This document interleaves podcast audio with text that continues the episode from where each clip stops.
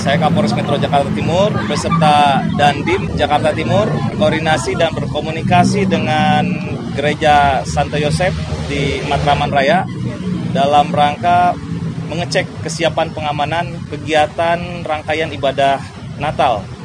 Kita akan memastikan kegiatan ibadah Natal akan berjalan dengan aman, tertib, damai, dan nyaman tentunya.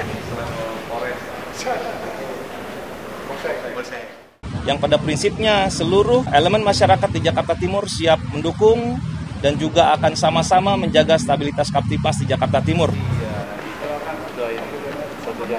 Saat ini kami sangat-sangat bersinergi antara Polres dan Kodim 0505 Jakarta Timur bersinergi untuk melaksanakan pengamanan dalam di Gereja Santo Yosef.